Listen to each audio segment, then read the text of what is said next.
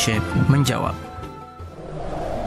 Ayo gabung program wakaf tanah dan bangunan Al-Bahjah Buyut. Hanya 200 ribu per meter. Assalamualaikum warahmatullahi wabarakatuh. Waalaikumsalam warahmatullahi wabarakatuh. Afan Abah, kami izin bertanya. Jika suami masih ingat mantan, bagaimana solusinya agar tidak sakit hati?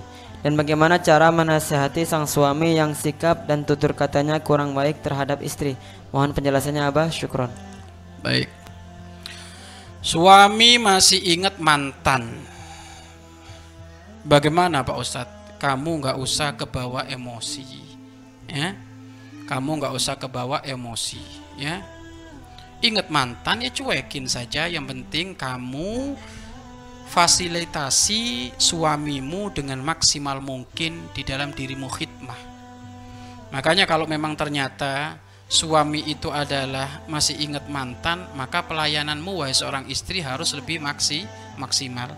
Kemudian agar supaya suami itu takut nggak macem-macem ataukah berubah di dalam urusan tutur kata, maka biasakan diajak ngaji.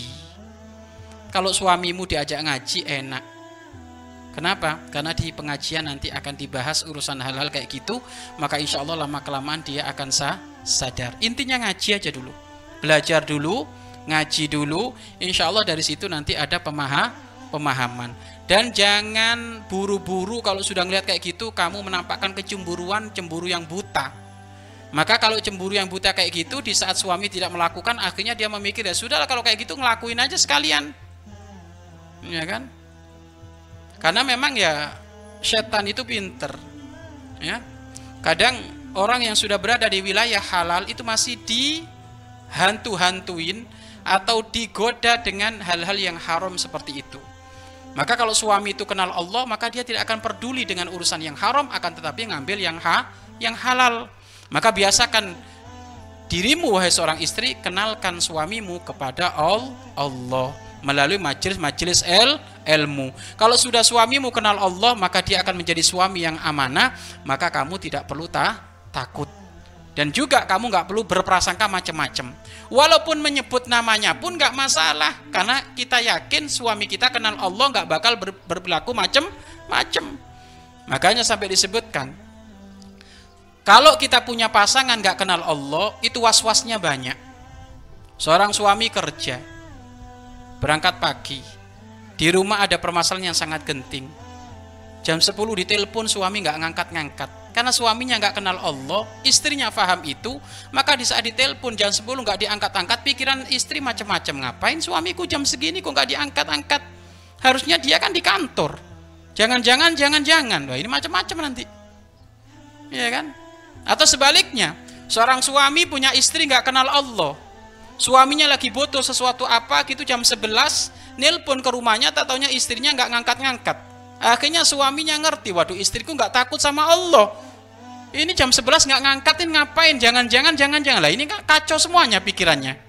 Tetapi kalau seumpama istrinya kenal Allah, suaminya kenal Allah, di saat istri nelpon kepada suami jam 10 kok nggak diangkat-angkat, maka sang istri saat itu akan memikir, suamiku kenal Allah, mungkin jam 10 kayak gini dia ada di masjid, lagi sholat duha, adem. Kenapa? Karena yakin suaminya kenal Allah. Sama, di saat suami nelpon istri kok nggak diangkat-angkat jam 11, kayaknya istriku lagi tidur koilulah. Loh kan enak.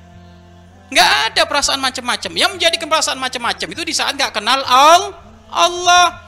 Maka biasakan pasangan itu menjadikan pasangannya dekat kepada Allah. Jadi cara menumbuhkan kepercayaan kepada pasangan itu dia dekat kepada Allah. Makanya tampakkan kalau tahajudan, tampakkan kalau baca Al-Quran, tampakkan kalau puasa Senin Kemis, itu akan menjadikan kepercayaan oleh pasangan masing-masing. Menjadi pribadi ama, amanah. Sehingga kesubhatan-kesubhatan di dalam pasangan tidak akan muncul. Kenapa? Karena istrinya ahli puasa Senin Kemis, suaminya ahli tahajud, ahli Al-Quran. Yang ada adalah saling percaya, percaya ya. Jadi solusinya adalah biasakan suami untuk ikut ngaji, hadir majelis biar semakin dekat kepada Allah. Kalau sudah semakin dekat kepada Allah mau nyebut nama seribu seribu nama perempuan nggak berpengaruh. Kenapa? Karena suaminya adalah dekat kepada Allah, nggak mungkin berperilaku macam-macam. Wallahu a'lam bissawab. Mari berinfak untuk operasional lembaga pengembangan dakwah Bahjah Buyut.